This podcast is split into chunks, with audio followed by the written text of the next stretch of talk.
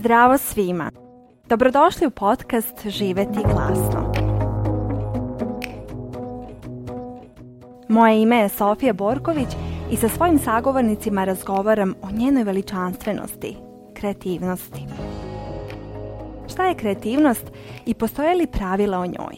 Gdje naći inspiraciju kada nam se dese kreativne blokade i kako se povezati sa unutrašnjim vojstvom kada stvaramo? Teme su našeg podcasta.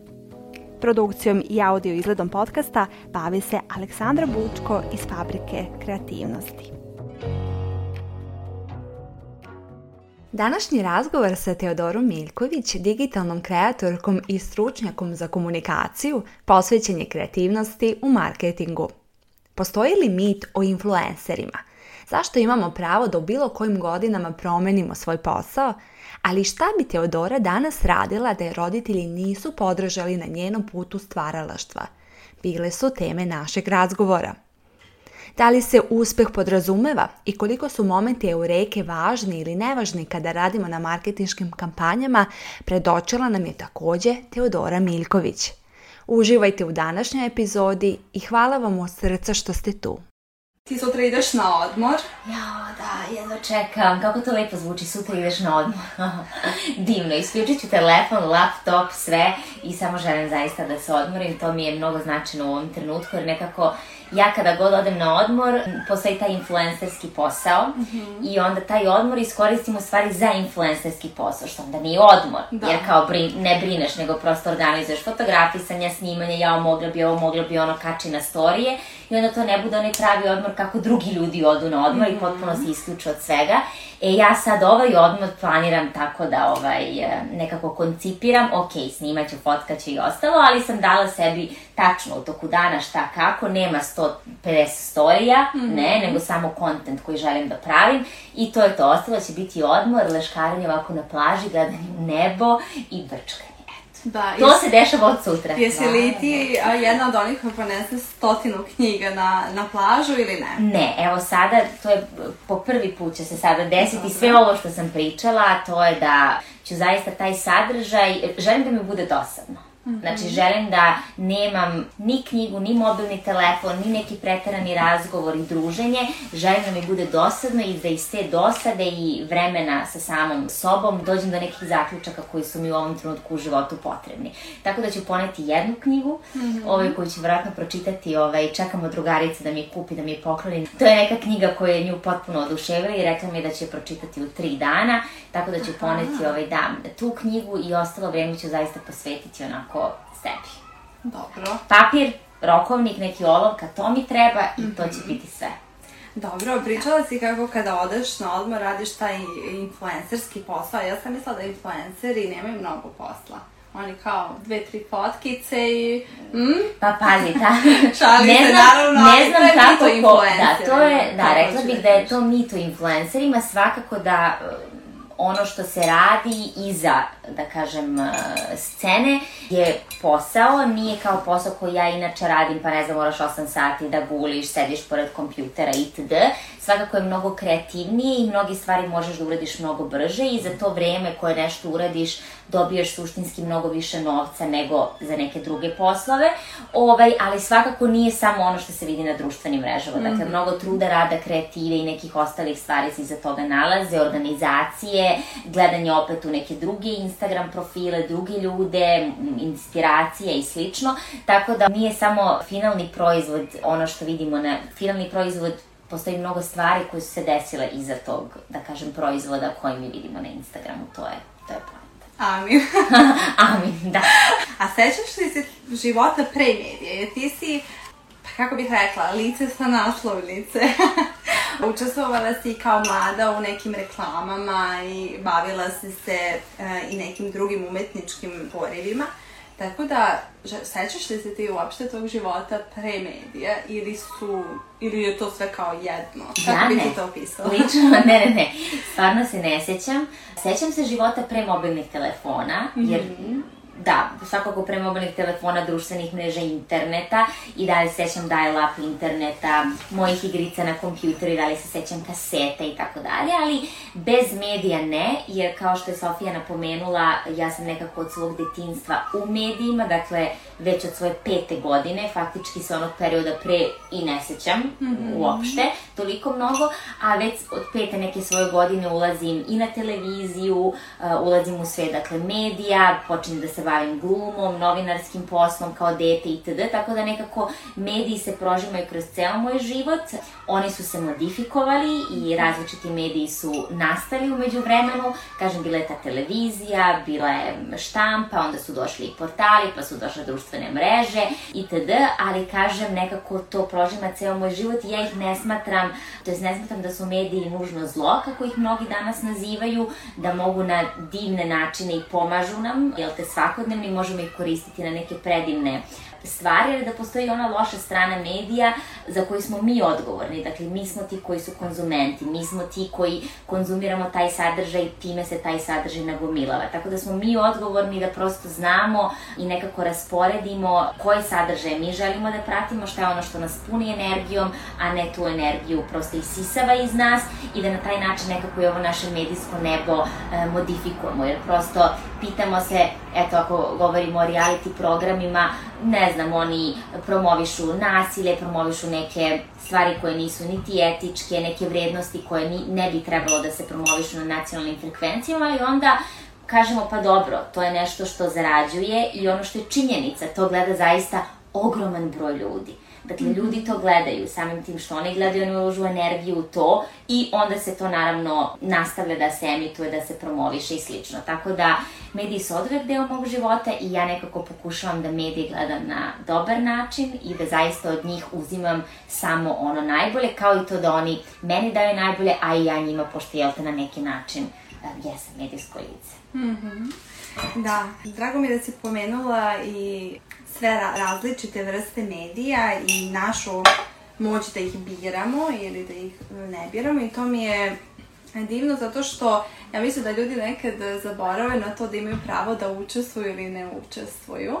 Tako da kao i na, na Instagramu biramo koga ćemo pratiti ili ne, tako isto biramo i šta ćemo gledati, čitati Tako da ako par malo sednemo da razmislimo ili nam nekad bude dosadno na moru, ovaj, možemo da se zapitamo stvarno koga pratimo, zašto pratimo, da li je to po navici. Ja sam skoro sprovela neki svoj interni projekat gde sam mnogo profila otpratila. Prosto kao, ok, kao i odeću, znaš, nešto ti je tesno sada, nešto ti je veliko, nešto ti je nezanimljivo, nešto više ti prosto ne odražava tvoju ličnost.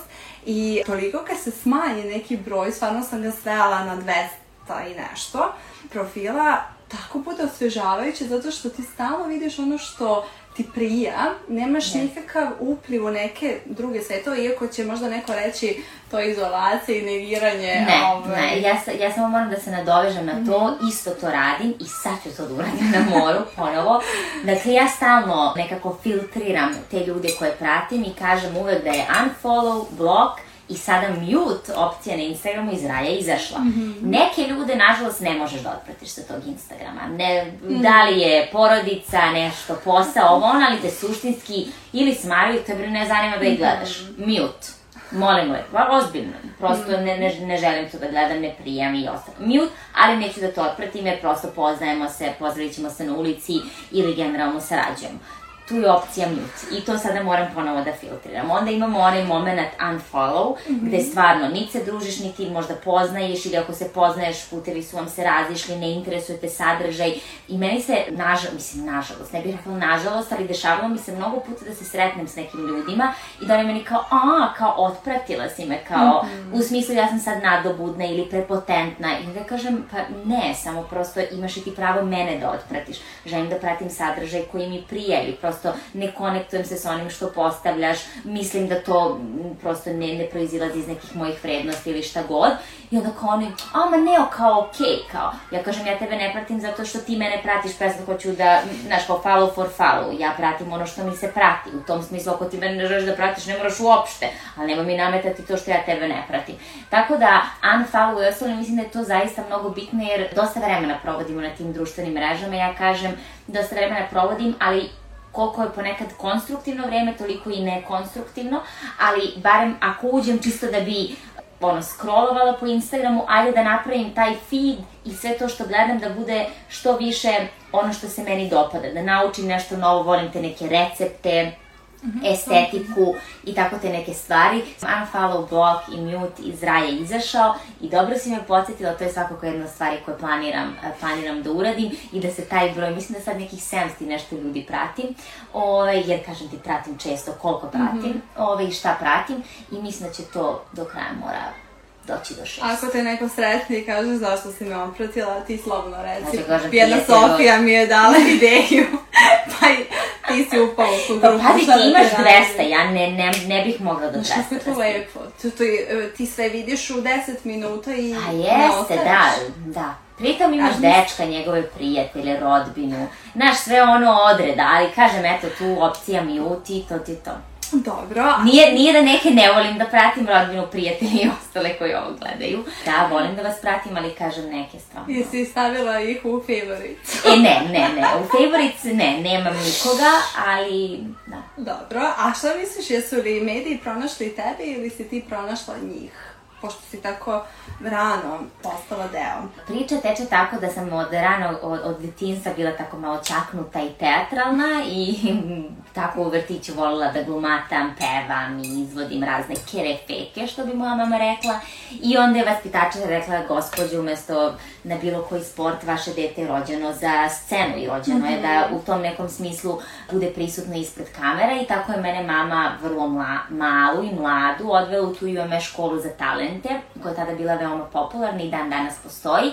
Tako da da li su mediji odabrali mene ili ja njih, svakako da sam ja njih pikirala i hvala Bogu na mojoj vaspitačici, a i mojoj mami kasnije u mom prosto razvijanju, jer od 5 godina do 18. godine prosto nekoga ispratiti na tom medijskom putu i što mama kaže, ja mislim da ti, mama sebi tako voli da pripiše razne stvari ja njoj ovog puta stvarno pripisujem i mami i tati hvala vam, jer e, biti tu toliko za dete i sve njegove stvari kojim on želi da se bavi nekako pratiti od toga da treba svako veče voziti i na glumu i na novinarstvo i na ples i na trening i na engleski i na ovo. Mislim, ja sam stvarno imala nenormalan broj van nastavnih aktivnosti i roditelj koji nije toliko posvećen detetu i koji ne želi da istraje zajedno sa detetom u tome, onda ni dete normalno neće sve to ispratiti samo. Nemoguće je, prosto deca nisu odgovorna toliko. A kažem, moji roditelji nisu bili ono kao moraš da ideš i tu kome kući, ne. Ja sam stvarno to volela, ali prosto je zaista neko mora da da svoju energiju, da me čeka po dva sata, pritom ja živim u prigradskom nasilju, tada sam živela, znači to je, ne mogu se vratiti sama kući, mene neko mora dva sata da čeka na glumi u dečjem kulturnom centru i moja mama ono šeta se po gradu, sedi u kafiću, tata isto, i onda me vrate za železnik, odakle sam, onda sam išla na dve glume, onda sam išla na e, odbojku, Onda na si to tenis. počela da koristiš. Posle se to mnogo isplatilo, ja sam njima rekla, to se vama mnogo isplatilo, tako da su oni znali šta rade i stvarno mnoge te stvari, ovaj, ne znam sad ni šta je bilo pitanje i gde sam otišla. Za medije, da li da, su one tebe medije, pronašle ali ili ti- da, ja sam njih pikirala, onda su oni mene pronašli, ali moji roditelji i prosto cijela ta porodica šira je bila ključ u toj podršci da ja u tome istrajem. E, A šta misliš, da. gde bi bila danas da tvoji roditelji nisu čuli te tvoje želje? Da li bi možda bila neka računovođa? Pa užas, pa mislim ne, ne. Um, poznajući svoju e, narav i nekako ko sam i šta sam, ja svakako znam da ne bi mogla da budem nesrećna. Prosto od malena sam kada osetim ne, nešto ovde u, u- grudima da nije onako kako treba i kako mi se ne dopada, ja od toga bežim, ja rizikujem i prosto valjda sam tako rođena. Tako da, da me put nekako odveo do toga da budem računovođa, verovatno bi, kada bi završila fakultet, batalila sve, otišla u Vijetnam i, i počela da se bavim nečim čime se bavim. U smislu, nije mi problem da rizikujem, tako da mislim da ne bi ni došla do tog momenta mm -hmm. računovođe, ali svakako da bi bilo mnogo teže da od ranog detinstva nisam počela da radim na tome. Mm -hmm. Jer mene, sećam se i moje prijateljice isto koje su sa mnom u IME školi od, od malena, dolazile smo na neke poslove sa svojih 20 godina, na primjer, i onda kao, aha, dobro, vi ste početnici kažem prijatelju, kakav početnik. Možda da, imam 20 godina, možda u tom smislu jesam početnik, ja sam neko ko je mlad, ali ja iza sebe u tih 20 godina imam bukvalno 15 godina iskustva. Mislim, ali zaista, ja imam 15 i onda kad mi neko kaže, ja kažem ja sam umorna od posla, ja želim da da se odmorim, ovaj, oni mi kažu, ma šta da se odmoraš, tek si na početku karijere, ja kažem, druže, dragi. Ili kao, ja radim od kad znam za sebe. Ne, nije to bio posao 8 sati ili ostalo, ali to jeste bio posao. Mm -hmm. Ja se mhm. sećam ja u, mene kad otvoriš đačku knjižicu u osnovnoj školi, ja sam imala, sad ćete slagati, lupiću neki broj, ali ja sam nešto imala 200, 300, 400 opravdanih izostanaka u osnovne škole u jednoj godini. Jer ja sam više išla na snimanja, da mhm. radim, da snimam emisije, na gostovanje, na snimanje reklame, na ovo, na ono, nego što sam išla u školu. Mislim, to je, to je zaista tako.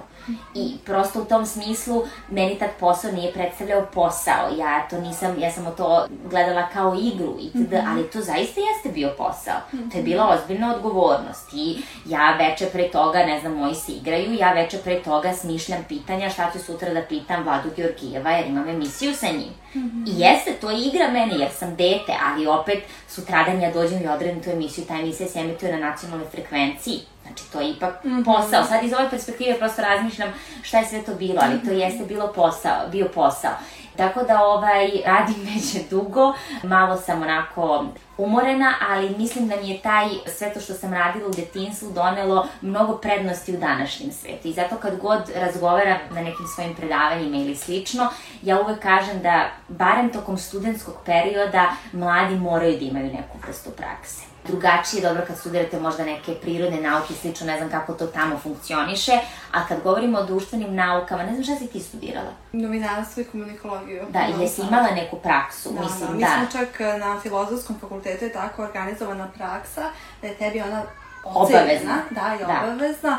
Četiri praksi, to su i, i ispiti ujedno. Da, da. da. Ja stvarno mislim da je to, kažem, pogotovo za, za te naše branše, apsolutno mas, da ti izađeš kad sa fakulteta, a nisi imao neku praksu i nemaš neko praktično znanje kako se radi u, u svetu i u ekonomiji, mislim, to je baš, baš onako veliko nazadovanje u odnosu na svoju generaciju. Tako da, ja sam nekako to imala, zahvaljujući tome mislim da sam mnogo lako prolazila kroz fakultet, jer kažem, ja sam te neke komunikacijske veštine kovala tokom celog svog života. I to što moja drugarica i prijatelji kažu, ti imaš jednu rečenicu istu da kažeš na pet različitih načina i čovjek bi pomislio, ova zna Boga Oca. I tako sam ja izlazila na ispite dosta puta, ovaj, znajući možda vrlo malo, ali na primjer ja dobijem deset, a ovaj pored mene koji se namuči i stvarno zna mnogo više od mene, ali ne zna to da iskaže, ne zna prosto da, da, da kaže, da prezentuje, on dobije šest i da prođe a ja manje od njega, ali parlam, ja ga verglam, to ide u nedogled i onda profesor kaže bravo Todora, vi sve znate, ovaj deset. Tako da te komunikacijske sposobnosti u današnjem svetu jesu mnogo bitne, pogotovo kao nekome ko želi da se mhm. bavi našim profesijama I ode ja opet, eto to ko što sam rekla, od Kulina Bana, da. tako da molim te vrati me na temu. Hoću. Imam nekoliko stvari tu da, da kažem. Prvo, ono što si je rekla, zato sam te pitala šta bi bilo sa tobom da si danas, da te roditelji nisu čuli i usmeravali, iako naravno svi poslovi su sjajni, ako su za nas i volimo ih nas, i absolutno. treba da smo u tome, onda i da brusimo svoju genijalnost. Međutim, na primjer, u Americi su radili istraživanje da 70% srama se kod čoveka javlja prvo u školi, Srama? Sram, da si da. posramljen na neki način, da li si možda glasno rekao nešto, ili si nešto pogrešno uradio, da, da. ili tako, kao, znači, uglavnom 70% Amerikanaca doživi to u školi, mm -hmm. ne u kući, mm -hmm. a 50% od tih, znači 70, 70, doživi vezano za neki kreativan čin. Znači, da li su nacrtali neki smiješan nos, da li su mm -hmm. otpevali, falširali, nije važno, znači vezano za to. I mnogi od njih to jako lično shvate i zapravo zaborave koliko su volili da se igraju, crtaju, pevaju, stvaraju, glume i tako dalje, jer im je neko dao komentar na to, koji je možda i bio valid ili ne, ali dete kao malo to ne može da oprati. Zato sam ja i pokrenula program, jer sam na svom putu upoznala mnogo ljudi koji su te neke svoje iskonske želje, kao ti što to je tvoja bila iskrena želja, ti to nisi mogla da sedneš i da razmisliš, mm -hmm. ti žela da se baviš medijima, zaboravili i otišli su totalno neke druge vode i u jednom trenutku nekome to dođe ranije, a nekome kasnije, shvate da zapravo ne mogu nikada do kraja biti radosni i da ih ništa s polja ne može ispuniti i ne znaju šta je to što im fali. I često im govore da su nezahvalni, pa ih ti, ti se žališ, otkud ti da ja, se žališ, čujem, da. ili kao zar u tvojim godinama i tako dalje. Sve, znači vezano to za to. To ništa nemojte da slušate. Imate pravo da budete nezahvalni, imate pravo u bilo kojim godinama da napravite promenu kako god i ja sam stvarno veliki pobornik toga. Teže je, kako godine mhm. odmiču, ne znam, porodica, deca, odgovornosti koje sa tim mhm. dolaze, ali uvek možemo da napravimo promenu. Da. Mislim, zaista, zaista, uvek možemo da napravimo promenu i mislim da tu Ako, ako mislimo da ne možemo da napravimo promenu, nije problem do našeg okruženja. Problem je što mi nismo spremni u tom mm -hmm. trenutku. Tako da, kada zaista budemo spremni, ta promena će se i desiti. Mm -hmm. Na svom primjeru sam to videla mnogo, mnogo, mnogo puta, ali kažem, volim taj rizik i volim taj mhm. adrenalin koji rizik donosi, pa sam nekako do sada uvek, uvek rizikovala. Mm -hmm. Pogotovo sada kada nemam, nemam šta da izgubim. Da, i, i je, ja sam vrlo sklona riziku, da. ali opet čak i ne moraju biti skloni riziku, dovoljno je samo da imaju hobi. Jer mislim da se u nekim godinama da. čak i to zaboravi ili da dopuste sebi da im bude dosadno ili da daju sebi odmor. A, tako da sam se pronašla i u tim rečima da si umorna od onoga što radiš svakodnevno i prosto jer nemaš distancu. I ja sam prošle godine, kad sam se vratila iz Vijetnama, pa, rekla bih prvi put sebi u životu dala nakon 10 godina upravo to, kao uvek nekih paralelnih stvari, znači to nije samo fakultet ili samo, znači to je uvek, ne znam, da, žongliranje, pauzu da se dva, tri meseca i psihički i fizički odmorim na taj način. Meni to treba. Da čak ne razmišljam koji je moj naredni korak. Ja, meni to treba. To je toliko božanstveno jer su se u tim mesecima... ja ću to morati da uradim. Da, to je ono kao, to, taj period sam nazivala sam svoj mecena. Znači sama podržavam sebe kao umetnicu i kreatorku da vidim šta ja zaista želim da bude naredni korak iz te želje, a ne iz mm -hmm. nekog straha ili kao, ok, šta ću, pa daj, daj da nađem nešto, na, nekako da. u toj brzini čovek daj da nađem ili daj da uradim, čisto zapravo kad imam mogućnost i prostor da, da mu želja izađe na videlo, mm -hmm. sebi to stavi po strani, zato je i do sada jedna od tih genijalnih stvari koje, na koje smo zaboravili, a to je to ono kao, pa ne znam ni u danu šta ću, a kamali sutra i tu se rađaju genijalne ideje znam tačno šta su moji triggeri anksioznosti. Moji mm -hmm. triggeri anksioznosti su kada kada previše radim, kada ne znam gde ću od sebe, kada mi je raspored iz minuta u minut ovaj, e, popunjen, kada ne mogu, prosto kada ne spavam kvalitetno, kada ne jedem zdravo, kada ne vodim računa o sebi, to su moji triggeri. Moj trigger nije kada sam potpuno opuštena. Dakle, kada sam potpuno opuštena, kada sam u miru sa sobom, kada ne osjećam napetost da moram nešto i ostalo, ja tad nemam te crne misli i ta ludila u glavi. Mm -hmm. Prosto mi se, nemoj da mi izbaka suziraš sada.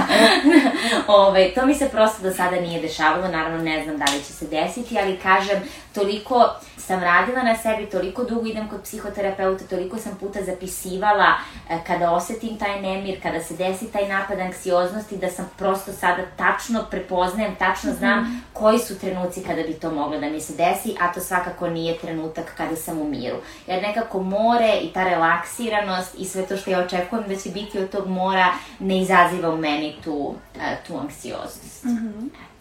Pomenula si da je u sve ono što si volela da radiš, iza toga zapravo veliki rad, trud i posvećenost. Da li misliš da je to e, dobitna kombinacija za tvoj uspeh?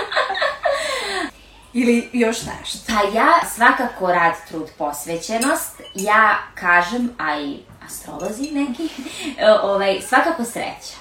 čovjek nekako mora, ne, daleko od toga da mora da bude rođen pod srećnom zvijezdom, ali stvarno mislim da jesam onako mm -hmm. srećna u, nekom, u neku ruku, ali opet bih to donekle, pored zvezda, e, pripisala i sebi samo u tom domenu da ja nekako za sebe smatram da sam ja rados, radosna osoba, radostan mm -hmm. čovek. I nekako, i od nekih ružnih stvari koje mi se dešavaju, hvala Bogu da me tako Bog napravio, ili kako god bi to drugačije nazvala, ali ja nekako uvek pogledam taj pozitivni, mm -hmm. šta je to pozitivno što je izašlo iz toga. Znači, prosto nisam mračna osoba, uvek pokušavam da gledam na tu neku vedriju stranu i kada dođu te crne misli i anksioznost i mnogo puta sam upadala u te, u te neke periode, uvek nekako pokušavam sebe da izvučem i generalno kad me bilo ko upozna, veoma sam srdačna, otvorena, e, osoba, prihvatam različita mišljenja, kulture, nažno sada sve, sve što mogu i, i mislim da je to nekako, mislim da je to nekako ključ. Mm -hmm. Tako da biti radostan i kažem, ja imam čak i video na YouTube-u koji je baš dosta puta gledan, a to je taj kao moć privlačenja. Mm -hmm. Ja mislim da ja mnoge stvari u svom životu privlačim. I to mi se toliko puta dokazalo. Kad sam bila mala od toga da će se zaljubiti dečko mene koji se meni sviđa. Ali ozbiljno, ja sam bukvalno pravila retrospektivu stvari koje sam ja u životu mnogo želela. Mm -hmm. Zaista. Znači, koje sam želela, ne znam, kad sam imala 10 godina, 15, 18, 21. I one su se, Sofija, zaista desile. Nisu se desile odmah i mm -hmm. desile su se u trenutku koji je bio pravi da se one dese i taj trenutak je baš trebalo tada da se desi. Zna, ne znam, evo, pričala si mi Sofija, ne znam da li ste znali, kao otišla u Vijetnam, onda je korona stigla, planirala si da budeš tamo jedan kratak period, jel tako? Da. Ostala si Boga oca, ali došla je mama.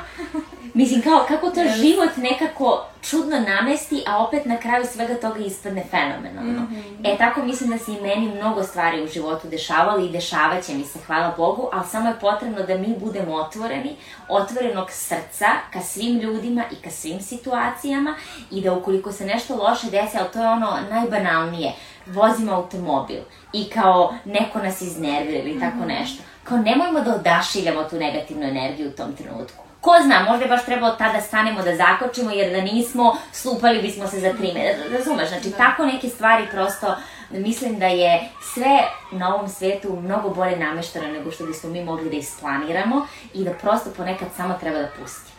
Saglasna sam sa tobom i ja verujem da svi mi zapravo to konstantno radimo, samo nismo osvestili da privlačimo, e, da, nismo osvestili te neke možda unutarnje podsvesne mehanizme, a to je da privlačimo i, mislim, i ono što nam se sviđa i ono što nam se ne sviđa.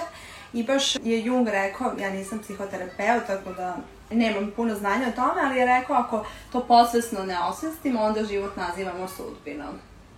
Tako da svi mi zapravo živimo ono u što verujemo i kao i TV znamo za ono, mislim šta se dešava u svetu gledajući određeni kanal, a da, da. smo promenjali kanal, znali bismo možda nešto drugo.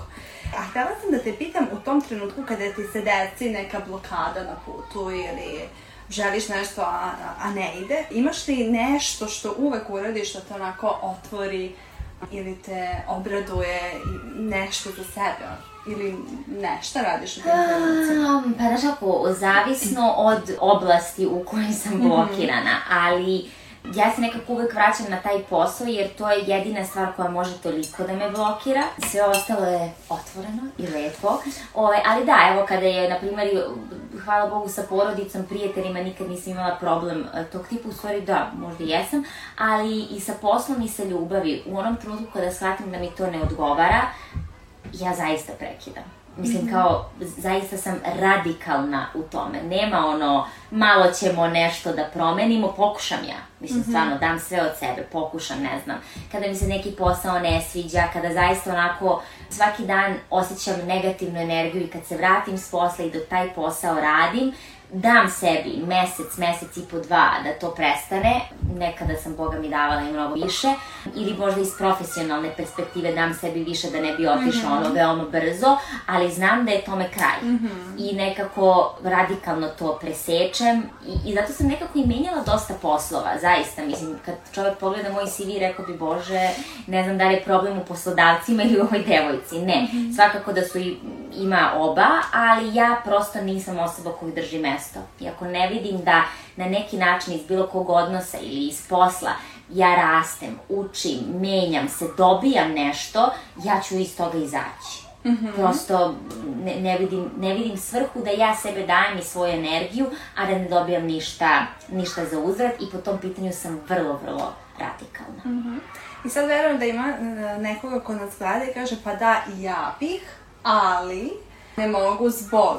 Ne, ja nema zbog. Mm. Ja bih stvarno rekla nema zbog. Ja se sećam, ja sam, neko bi, tako mi moje neke ovaj, poznanice kažu, ma dobro, kao, ali ti, ne znam, imaš, ja stvarno imam podršku porodice, u smislu, mogu da se vratim kod mame i tak, tako neke stvari, mm. ali ja onog trenutka kad sam izašla iz stana, dakle kada sam se odselila, to je bio trenutak kada sam ja sklopila dogovor sa svojim roditeljima, to je to. Mhm. Jedina osoba koja sad može da da pare nekome sam ja vama. Mhm. Znači, ne postoji uopšte više transakcija u suprotnom mhm. smeru. Ja sam izašla, ja sam odrasla i moj ideal je da ja sada vama plaćam stvari. Mislim, nekako to sva, i, e, i kada sam ovaj... Da njih hodiš na časove glume. ali, ali stvarno, ja, ja sada, pa evo, na primjer, ja, sam, ja sad vodim babe na preglede i ostalo. Mm -hmm. Ja sam glavna za vođenje baba. Mm -hmm. Brinem se o njima, idem sa njima svuda. Baku sada na pregled ovde baš vodila. Naš može i mama i tata i tetka i svi mogu. Teodora je prva. Nekako mnogo sada volim da se brinem o svim ljudima koji su se nekada brinuli o meni. Mm -hmm. O mami, ne znam, ako treba neki pregled, masaža. Volila bih da ih odvedem na neko putovanje. Oni sad idu na put pa ja njima uvalim bakšiš. Mm -hmm. Prosto to me čini srećom. Ja mislim da ja zbog toga radim i želim nekako da se odužim svim tim ljudima koji su nekada u mene ulagali svoje vreme, energiju, novac ili, ili šta god. A šta sam da pričam? Ako ti se desi kreativna blokada ili blokada na putu. Jao, da, moram malo više da se fokusira. Proveruješ da li se ja sećam svojih pitanja. ne, ne, ne, nego ja odem tako na, na sedmu stranu kada mi se dešava kreativna blokada, a onda si me ti pitala šta ako e, neko kaže ne može. Mm -hmm. Da, da, e, vidim, mama ti zaboravila.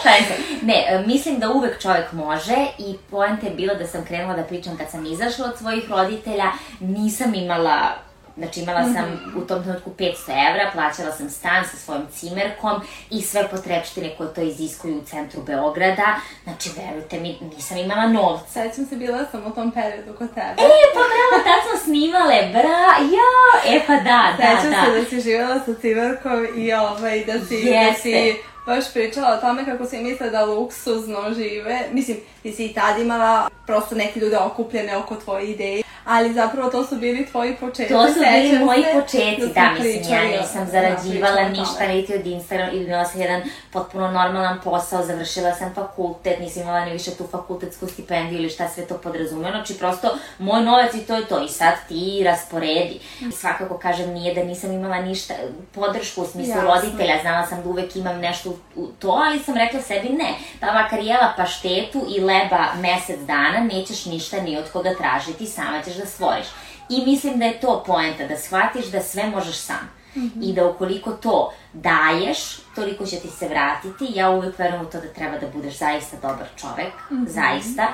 I da nekako će se sve to vratiti, da li finansijski, da li tako što ćeš neko biti nežan prema tebi, da li tako što ćeš osetiti ljubav ili bilo šta slično. Dakle, šta odašiljaš to, kako ide ona um, izreka, nešto šta odašiljaš to, to šta zračiš to privlačiš, šta zračiš to privlačiš, a kada se desi blokada tog tipa, danas tu blokadu možda i sebi ne mogu da priuštim u nekim trenucima, jer ja kažem, ono, practice makes it perfect, mm -hmm. ali zaista u poslu i PR-a i marketinga određene stvari vam postanu praksa. Desi se tu oni eureka momenti, mm -hmm. ali prosto kada to postane posao i kada ti od toga živiš, nemaš više toliko slobode da možeš da čekaš taj trenutak eureke, nego mm -hmm. prosto iz prakse, iz potrebe se rađaju ideje.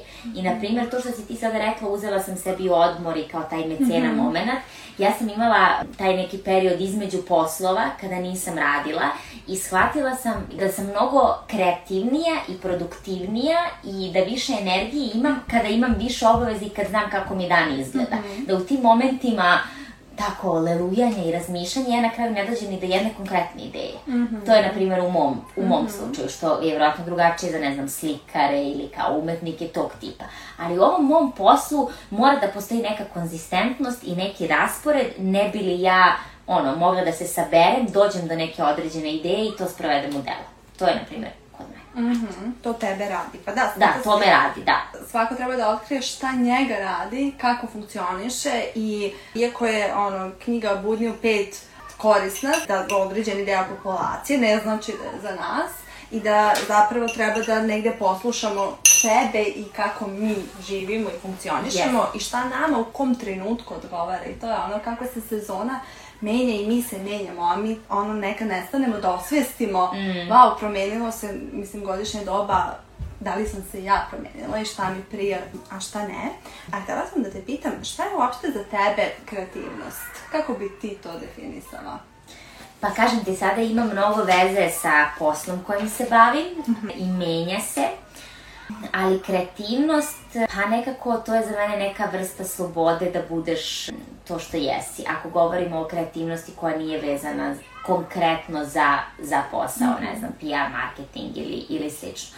To je nekako sloboda da budeš to što jesi. I ono što si napomenula, mislim da si kreativnost u današnjem brzom svetu, kada od nečega, eto, moramo da zarađujemo, možda to nije baš mm -hmm. kreativnost, da, da će se ona najbolje ispoljiti u trenucima kada smo potpuno to, kada to radimo iz hobija, kada mm -hmm. to mhm. ne radimo iz neke koristi. Mm -hmm. I ja takvu vrstu kreativnosti još nisam osetila. Oh. nisam, nisam, zaista. Mm -hmm. Žela sam da počnem i da idem na ono vajanje i na slikanje i na razne neke druge stvari, ali kreativnost tog tipa stvarno nisam osetila, jer sve što je vezano za kreativnost u PR-u, u marketingu, u influencerskom smislu, vezano je za to da ja moram da budem kreativna da bi zaradila i onda se tu mhm. prosto upliću različite stvari koje na to deluju, na moju kreativnost i Mm, ili su brojke... Jeste, razne stvari, od da. trendova, ovih stvari i onih stvari utiču na moju kreativnost. Mm -hmm. Moram sve nekako da procesuiram mm -hmm. i da onda izaberem iz moje kreativnosti šta bi se uklapalo u svaki od tih mm -hmm. filtera kroz koji se to gleda. Tako da nisam, nisam mm -hmm. osetila tu vrstu kreativnosti i dalje. Mm -hmm. Tako da mi treba neki hobi. To, da, definitivno. I ono što sam primetila u radu sa ženama na svom programu jeste upravo, to je jedna od blokada, zato što prosto... Ništa, ja moram da krenem na taj program. Da. Pod hitno. Da, da, da, od septembra da se upišeš da. ove, u tu školu. Zato što smo mi svi kondicionirani da vidimo rezultat. U krajnjem slučaju iz petog da pređemo u šesti razred. Ili brojke, ili izveštaj, ili ne znam, ono, u krajnjem slučaju pohvala, znači to je neka zavisnost da ti neko kaže baš ti je ja sam video, mnogo zavisna to. Ja sam to zaista prepoznala. To je, to je perfekcionizam mm -hmm. i to je taj moment da ti ne radiš nešto zbog sebe, nego radiš zbog potvrde drugih. To sam veoma mm -hmm. osvestila kod sebe i to je nešto sa čime ne, ne mogu da kažem da se borim, ali pokušavam što više da osvestim, da u trenucima kada tako nešto pomislim ili želim, da prosto sama sebi to dam. -hmm. Znači da mi nije potrebno da mi ti ili bilo mm -hmm. koji pratilac ili moj poslodavac ili klijent nešto to da kaže, nego da ja znam da je to prosto dobro, da imam argumente iza toga i da se ja sama sa sobom osjećam dobro. To je nešto na čime mislim da ću raditi ceo svoj život, ali kažem, drago mi je što si to sada spomenula, jer mislim da nisam redka u ne. tome, nego da mnogi, mnogi, mm -hmm. pogotovo sa pojavom društvenih mreža, tim lajkovanjem, mm -hmm. komentarisanjem i ostalim stvarima, mislim da smo svi na neki način postali navučeni navučeni na to. A mhm. kažem ti, ja sam od svog detinstva bila nekako u tome, znači stalno me neko endorsovao, stalno mi je neko davao neki stroke, neku pohvalu tog tipa i sećam se kada sam iz tog svog balončića ovaj, u kome sam odrasla sa nekih 18 godina prešla na fakultet i krenula kod psihoterapeuta jedna od mojih glavnih tema je bila upravo ta.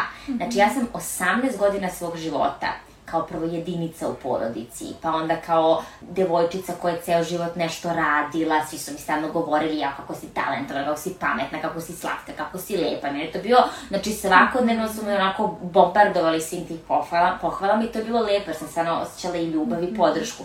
Ali s druge strane, dođeš 18 godina u neki realan svet koji te opali mm -hmm. i ti dolaziš na taj neki fakultet gde je milion različitih ljudi, da ti suštinski nisi bitna. Mislim, kao zaista, ti sad tek ponovo treba da se dokazuješ. Tako. I to je bio svojevrsni onako meni šamar, mm -hmm. jer kao kako sad, men, kao, da, da. kako vi sad ne mislite za mene da sam ja fenomenalna.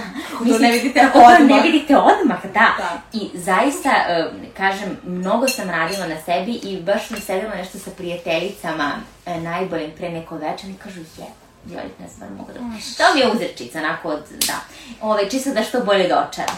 I ja mi kažu, Bože Teodora, koliko si se ti promenila naravno na bolje od svoje, ne znam, srednje škole od kada te poznajemo do sad. U smislu da, ti si uvek bila svoja opuštena, prirodna itd., ali sada si to, mnogo više empatična, srdačna, slušaš druge ljude, prosto promena je velika, mm -hmm. a mhm. samo zahvaljujući tome što sam radila na sebi i kažem što sam prihvatila taj šamar realnosti mm -hmm. i shvatila da bez obzira na to, evo i na možda sad neko kaže uspeh koji sada imam poslovno, ja verujem da ću sa 30 godina ili 40 ako odem negde drugde, sve to iznova morati. Mm -hmm. Znači, uspeh se ne podrazumeva i ne može se živeti od neke stare slave. Stalno moramo raditi na sebi, stalno moramo raditi na tome kako, da kažem, da se predstavljamo drugim ili kako nas drugi vide i to je jedan onako beskrajan put i to je to. Kako uspeti u PR-u? Kako se probiti da budemo mm -hmm. u PR-u i uspeti?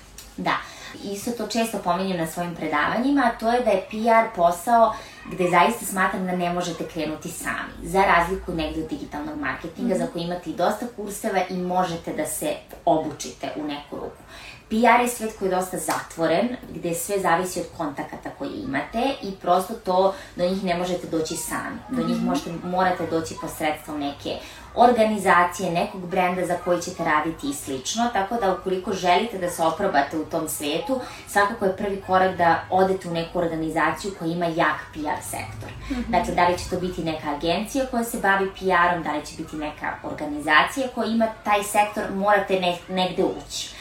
E onda godinama, kako radite tu, dolazite do kontakata, do svoje PR baze i onda već možete da radite freelance na različitim projektima itd. Jer u stvari vi tu vašu bazu koju ste sagradili prodajete dalje. Znači to je ono što vi imate, to je vaš asset, to je ono vaša cena šta vi sve možete da sredite, da uradite i slično, a onda naravno dolazimo i do toga da jeste kreativni, da možete da napravite dobru vez, da možete dobro da je plasirate itd., ali na kraju sve se svodi na to koje kontakte vi imate, koga možete da pozovete, sa kim šta možete da sredite.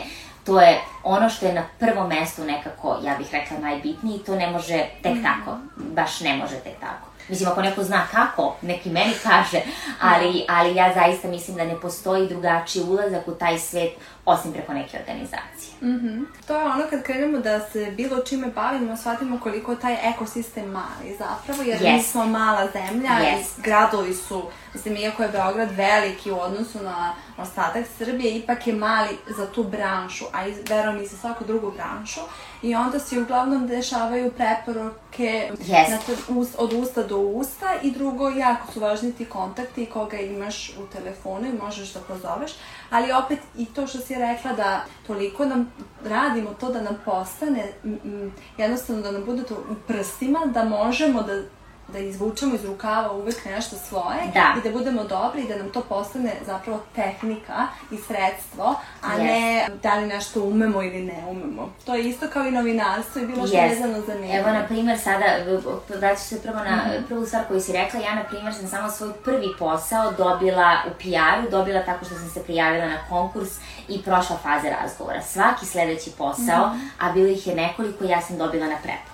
Mm -hmm. Apropo toga koliko je, na primer, krug zatvoren i da se u većini slučajeva ta pozicija PR-a traži preko preporuke, ta, eto, na primer. Tako da je možda najbolje ući u neku agenciju koji su stalno potrebni mm -hmm. novi ljudi, a što se tiče novinarstva i, na primer, te neke prakse u PR, ja sam mrzela da pišem. Znači, ja sećam, ja u Exitu sam najviše radila na tim, znači, gostovanjima, ja sam išla kao lice koje će pričati itd., ali su me nekako stavili po strani tog pisanja saopštenja i tih stvari, jer ja stvarno nisam znala to da radim. Znači, koliko su drugi devojke bile talentovane mm -hmm. za to, toliko sam ja bila, ono, kidala sam u ovim nekim stvarima, to prezentacije na TV-u i slično, ali pisanje, ovo napiše 300 puta bolje od mene, kao, šta sad da radiš? Onda sam otišla na drugi posao, tu sam se isto nešto malo vadila s tim pisanjem, bili su jako uniformisana ta mm -hmm. pisanja saopštenja i nisam imala nešto pretrano kreative. I onda sam došla u ministarstvo, gde sam ja sve full radila zajedno sa tim pisanjem. Mm -hmm. I onda je naravno to je prvo bilo mučno. Mm -hmm. Baš je bilo mučno. Onda, e onda kada je to postalo praksa, kada je postalo nešto što mora da se uradi, ja sam onda pisala kao maher. Kao da sam to u životu, ceo život radila. Hoće da kažem, od potrebe se dolazi do toga da nešto mo možeš da uradiš. Mm -hmm. Moraš, to jest možeš, i onda ti je sve posle lagano. Tako da ono, baciš se u vatru i radiš i apsolviraš nešto kako god to čudno zvučalo u našoj zemlji, ali novinarstvo se uči kada je profesionalno Jeste. i na nivou i uglavnom kada je ono što ne viđamo često, ali to je zapravo takođe spoj znanja, poznavanje medija, pre svega i kao, na, mislim, kao nauke i komunikologije. Tako da to je pre svega neko znanje koje je teorija, a zatim i učenje kako da se to stavi na papir, a zatim i praksa kako da to postane kao i vožnja, nešto što, o čemu ne razmišljamo. Mm -hmm. I to je ono što mi, nažalost, u Srbiji nemamo nekad prilike da vidimo to kvalitetno novinarstvo i profesionalnost u tome i onda mislimo da to prosto sedneš nešto napišeš i tako dalje, a verujem i za PR i za bilo šta što je vezano za medije, zato što nama su stalno profesori na fakultetu pričali da je me, mediji su prosto najvidljiviji i najočigledniji, ali ako nam se mediji sami ne dopaju, verovatno tako i u drugim branšama, samo što nisu vidljive, zatvoreni su yes. sistemi. Kako si ti uspela da spojiš PR, marketing, digital? Ne Da me pitaš, ne. To je tako, ali kao i sve u životu, to je spontano krenulo. Mm -hmm. Nisam počela da se bavim PR-om zašto sam želela da se bavim PR-om, počela sam da se bavim PR-om zašto sam želela da radim u Exit festivalu. Mm -hmm. I to je bila jedina slobodna pozicija za koju ti u tom trenutku ne treba tri godine iskustva. Mm -hmm. Dakle, eto, jedina pozicija i ja sam tako ušla u PR. Znači, nema tu nikakve pretarne želje da se bavim ovom branšom i onda je sve to tako prosto nekako logično krenulo. Mm -hmm. Influencing isto, nisam imala predstavu šta je to, kako je to, prosto je tako malo krenulo, ja sam kačila neke slike, vamo tamo, op, op, op, jedan brand, drugi brand, Teodora počela time da se bavi. Mm -hmm. Digitalni marketing, to sam želela, mm -hmm. to me interesovalo jako i eto to se desilo, ali prosto to su toliko tri povezane mhm. stvari, branše, da je bilo, zaista nije bilo teško povezati ih sve i tako je onda nastalo da se ja bavim različitim stvarima u okviru toga. Mm -hmm. Zanimljivo mi je to, jednom si mi pričala da zapravo kada si otišla u Vijetnam, tada su te prepoznali kao Da, da, da. To mi je bio prvi influencerski angažman. Jungle menja Travel. živote. Da, Vijetnam menja živote. Sećam se, ovaj, tada sam se sa um, cijelim svetom na Instagramu ili ti flexi u stvarnom životu. Sad čo, ljudi moraš da predstavljaš po akauntu na društvenim mrežama. Mislim, fantastično. Tako me, a mala ovaj, digresija, ali tako me sretnu i ne kažu mi Teodore, nego jao, ti si ona Laila Riko sa Instagrama i te kažem Teodore, draga mi. Da, tako da vidjet ne menja živote i tad se sećam da mi on rekao, e, Teodora, pošto ste nešto pratili i čuli i poznavali iz grada, sad si prešla 10.000, ja sam tad nešto bila u Azerbejdžanu, dva meseca sam živela na nekoj studentskoj praksi I tamo sam se ja slikala, sve to bilo mm -hmm. super kao travel. Ovaj, I onda mi je on rekao, aj sad s nama u Vijetnam, de, prešla si 10k, sad si zvanični influencer, -hmm. sad mogu da te, da te vodim i ode ja tako u Vijetnam i eto. Ostalo je istorija. Ostalo je istorija, da. Bilo je jedno od pitanja, tvoje iskustvo u digitalnom marketingu, a ja bih to dodala, da li je taj posao zaista tako shiny? Bože me sad. To je najteži posao koji radim. PR je mnogo lakše od digitala. Mm -hmm. I pogotovo je teško u digitalu raditi sa manjim klijentima, jer su oni mnogo zahtevniji. Mm -hmm. Digital sa velikim klijentima je lakši, kažu mnogi koji rade sa ozbiljno velikim klijentima, zbog toga što postoji sistem, postoji mm -hmm. organizacija i tačno se zna šta, kad, kako i nema mnogo odstupanja.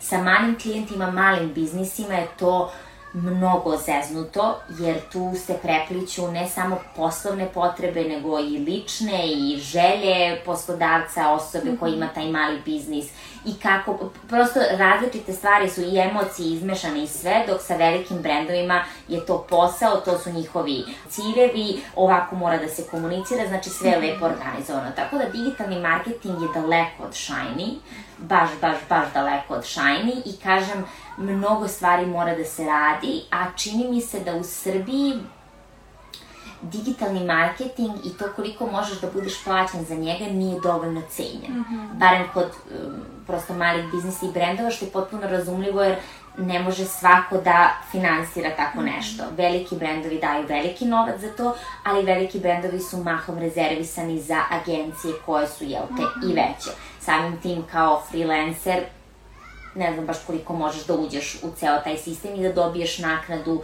koju bi trebalo da dobiješ. Tako da, ne, nije shiny i onako dosta se razmišljam šta, će, šta ću raditi sa tim ovaj, u budući. Mislim, ne znam, reći ti svoje, svoje da, iskustvo. Da, nekako bih rekla da je to spoj rudarskog posla i kreativnosti. Kreativnosti, da. da. kreativnosti tim što jako crpi energiju mm. i mislim da tu je veoma važno kako te poslodavac doživljava ili onaj koji prosto želi da mu radiš njegove profile, jer tu se čovek eh, hrani pohvalama vrlo često i slobodom. Meni, na primer... Eh, Ali tu zavisiš od toga da će ti on reći, e, ovo mi se je. sviđa ili ne. Da, i... Nema ono kažem... gdje ja mhm. argumentovano mislim da bi ovo prošlo ili na osnovu ovoga, na, na, na, na meni se to sviđa ili meni se to ne, ti na kraju do toga dođeš. Tako je i zato kažem, vrlo je tu važno da poslodavac koliko toliko bude osvešćen, da da slobodu, jeste, jer jeste. vrlo često se ti rezultati čak i ne mogu videti odmah, a ideje nisu proverene, jer ih radiš možda prvi put da. za tog nekog, a možda si i inovativna i radiš neke stvari pre vremena.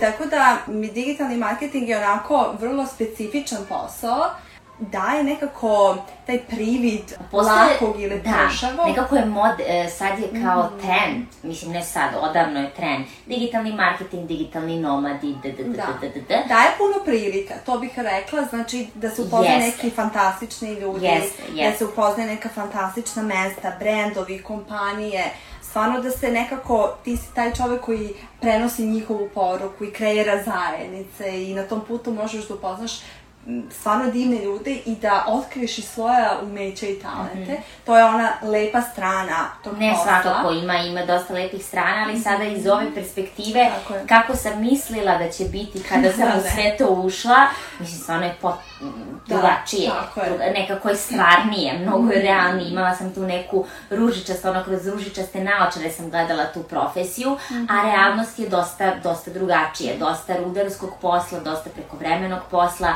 dosta onako um, rada sa klijentima, pa si malo njihov psihoterapeut, pa si malo njihova najbolja prijateljica, pa mislim stvarno, svašta nešto. I kažem, to mislim da se mahom dešava sa brendovima koji su manji, jer sa, mm -hmm. možda i sa većima, da u manji meri. Mm -hmm. Možda toliko kao osoba koja radi marketing ne osetiš to kad radiš za veće brendove, zato što tu ima više ljudi koji se bave digitalom, A kada radiš za manji brand, ti si mm, sve, sve, bog i batina. Ti znaš Photoshop, znaš Canva, znaš copy, znaš community, znaš da... Yes. Znači, I to je ono što je zeznuto. I sve ne možeš biti, ne možeš biti sve. Da. Mislim, ne, ne možeš, u svemu biti sjajna. Možeš, možeš, ali ne, da. Tako je. Koliko ulaganja, to tako, toliko rezultata. Jeste. Pa, jeste, mislim... jeste, jeste, apsolutno. to ću da kažem nekim svojim klijentima, šalim. pa prosto, to je tako, ono, da. vrlo jasno svakome ko, ko se time bavi, ali mo, dobro, razumem da neko to ne može da vidi kao i mi što smo mislili da je to Koliko smo pesimistično sad opisale. Ovo je digitalni marketing. Pa ne, mislim da zapravo e, ljudi ne pri, ljudi iz digitala ne pričaju toliko o tome, jer su, ipak rade za brendove. Zamisli, ok, i, mi Da radimo. kažem, znaš, koliko mi je loše. Ali, znaš, to su vrlo prepoznatljivi brendovi i stvari su i divne, ali nisu divne kao i na svakom Ma kao da, i uvek, da. I onda je nekad vrlo zeznuto pričati o toj nekoj poslovnoj strani tvog zanimanja, zato što veruješ u taj brend i u tu misiju i, i voliš to zapravo, ali nekako ljudi to povez... Ne, na- onako je malo neki klizam teren zapravo i onda se često i ne priča o tim drugim stranama koje svaki, ja mislim, marketer bi rekao. Prosto to su neke univerzalne stvari koje smo ti i ja i doživljavali i doživljavamo, ali prosto eto, možda neko sad razmišlja pa da, da zna da ima Da svega. zna kako je, da. Posebno u početku i posebno kad si one man show. Jest. A ja sam htela da te pitam šta te danas motiviše.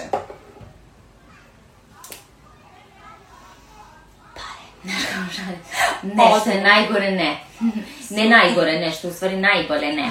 Jer da me motivišu pare, mnoge stvari bi batavila i bavila bi se samo, ne znam, influencingom koji mi na kraju donosi najviše para, najmanje vremena oduzima, a ne i sa drugim stvarima koje mi donose drastično manje para, a mnogo više vremena i energije ulažem. I tako da, ne, nisu pare, ali pa danas me motiviše mm, i dalje, nažalost, nekako bih voljela da budem uspešna žena. Kažem nažalost, zato što opet sam podlegla tim društvenim trendovima, a to je da žena bude uspešna. Dakle, sad, sad se vodimo, i imamo, imamo sada dve struje. Jedna struja je ono što kao želim da budem uspešna žena koja će pored svog muškarca da doprinosi, da radi, da ovo, da ono, ali onda me to sputava u mnogim stvarima, kao na primjer stvarima opusti se. Ne moraš da budeš svemoćna, ne moraš da budeš žena, majka, kraljica i biznismenka i dobra majka i fit mama i lepa mama i nalakirana i sve, sve, sve. I da si zabavna i da si šarmantna, da si opet malo mistična. Znači, mi žene nekako moramo da sve. E, i sada ja i dalje, to jeste dobra motivacija, ali opet s druge strane velika prepreka za mene, a to je da ja i dalje sebi želim da se dokažem. Želim da se dokažem upravo u tom smislu da sam uspešna žena, ali onda razmišljam o budućnosti, razmišljam o mojoj opet velikoj želji da postanem majka, da imam decu i kažem sebi pa čekaj, kako ćeš ti sad te dve stvari? Nekako, morat ćeš da se daš toj deci, trudnoći i ostalim stvarima, što znači da će trpeti tvoj posao i profesionalna karijera, koja je meni pak toliko bitna i toliko važan deo mene, da uopšte ne znam kako će se to u korelaciji ovaj, sprovesti, ali sa svojim psihoterapeutom dosta radim na tome, da u stvari kažem sebi da moj posao nisam ja i da svoju ličnost i sebe odvojim od svog posla, što je veoma bitno, što i dalje nisam uspela i dalje radim na tome, ali za bilo koji napredak u buduće je to mnogo važno. Ja sebe smatram neuspešnom onda kada ja nisam poslovno uspešna. A mnoge, m- m- mno, mnogim, u mnogim trenucima će se desiti u mom životu da nisam poslovno uspešna, što to znači? Da ja nisam do, dovoljna, da nisam dovoljno dobra. Tako da, ovaj, to je moja najveća motivacija danas biti uspešna, a to nije dobra, nije zdrava motivacija. Tako da, drugo, drugoj stvari ne znam koje me, koje me trenutno motivišu. To, to prosto osjećam i kažem to iskreno, to je moja najveća motivacija.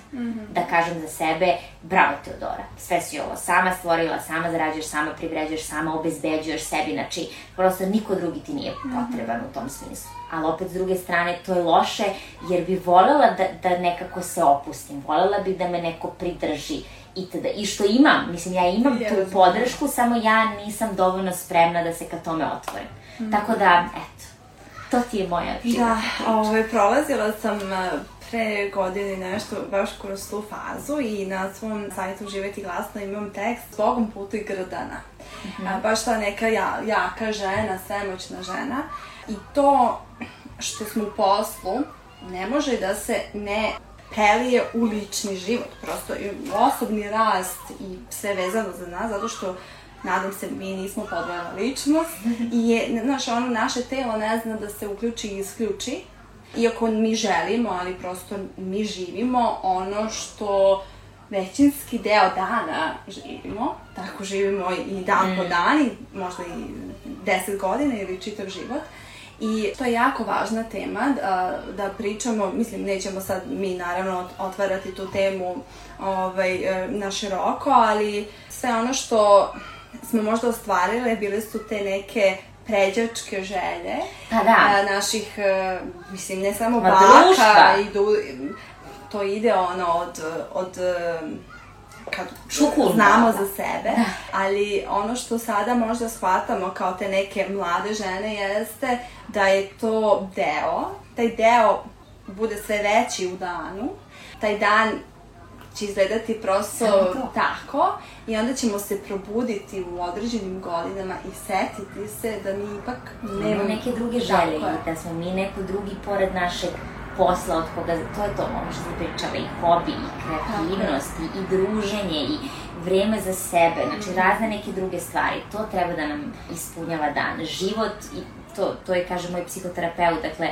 nismo mi samo posao, da bismo mi bili zadovoljne ličnosti. Svaki od segmenta našeg života mora da bude ok. Mm -hmm. I poslovno, i ljubavno, i zdravstveno, i u prijateljskoj sferi, i u porodičnoj sferi. Znači, sve to mora da bude zadovoljeno. Ako mi toliko energije i sebe poistovećemo samo sa jednom tom linijom, apsolutno ćemo biti i će patiti sve ove druge. A kada dođe do bitnih trenutaka u životu, do teških trenutaka u životu, mm. posao će tu najmanje biti bitan. Mislim, zaista, sve ostalo će biti bitno. Tako da, često to sebi ponavljam i to sada govorim svima onima koji nas gledaju i tebi, ali i dalje ne živim to. Mm -hmm. Znači, i dalje nekako radim na tome da počnem to da živim, ali sam ga mhm. vrlo svesna i sebi to često pominjem i nadam se da oni koji nas gledaju će isto to često sebi pominjem. To je ono na što smo negde kondicionirani i uslovljeni i navikli i sami sebi počeli da stavimo kao agendu, ali divno je što si to osvestila i eto, malo, jedan korak sam tu možda vremenski e, ispred i ono što se dešava u tom narednom koraku Mogu je da upravo taj odmor I upravo ta ono kao sloboda u glavi i neka promeja posle toliko vremena iznošenja stalno nečega i rada na nečemu, a onda naredni je baš to ono kao moj uspeh je da danas ne moram ništa i da biram sve i da zaista čujem šta mene raduje i da. da se vodim time, a ne svim onim što sam mislila da me raduje. I zato ovaj, uvek uh, bih rekla da svako treba da ostvari sve svoje želje, upravo da bi rekao, a ovo ja. sam mislila da će me činiti srećnom. Ne, ne, ovo ne, ne, ne, ne. I onda što više imaš kutiju sa ne, što više toga imaš u toj kutiji, kao ne, ne, ne, onda zaista dolaziš do svoje srži. Baš lepo rekla, da. Da, i onda kao, znam šta je moje da, i drugo, iako te možda nekad kao vidiš ga, ali te više nikad ne može mamiti. Mm -hmm. Prosto ne zadovoljavate tvoju dušu u tom trenutku, a to sve naravno evoluira, da imaš jedan dar koji bi mogla da podeliš i da daš čitavom svetu, koji bi to dar bio? To bi bio dar ozdravljenja. Mm -hmm to moj, to dar, da, da, da mogu... Tvoje, da, daješ? Da, dar ozdravljenja. Kog? Fizičkog, psihičkog, duhovnog, duševnog? Svako, svako. Dar ozdravljenja. Apsolutno u svaki segment toga, jer um, nekako mislim da to donosi najviše patnje i donosi je definitivno i, i volila bih da u toj mogućnosti nekako olakšam ljudima razne stvari. Ali i ozdravljenje. Da duševno, fizičko ozdravljenje. Da svi budemo dobri i zdravi. Hvala što ste poslušali ovu epizodu podcasta Živeti glasno. Nadamo se da ste za nijansu više ohrabreni, ispunjeni ili inspirisani. Do naredne epizode želim vam mnoga lepa i kreativna ostvarenja. Pozdrav!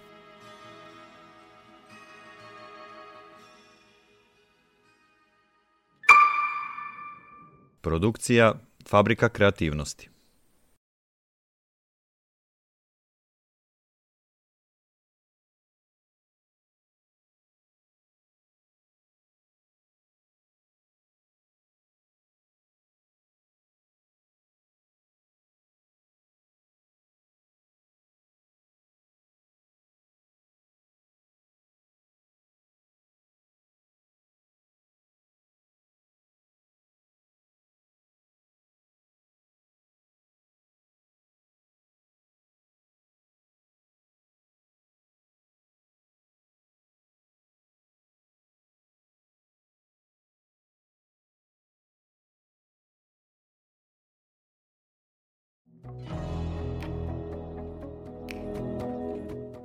Hvala što ste poslušali ovu epizodu podcasta Živeti glasno.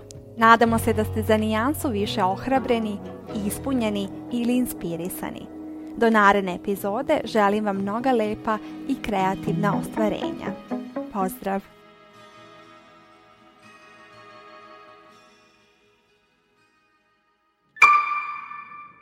Produkcija Fabrika kreativnosti.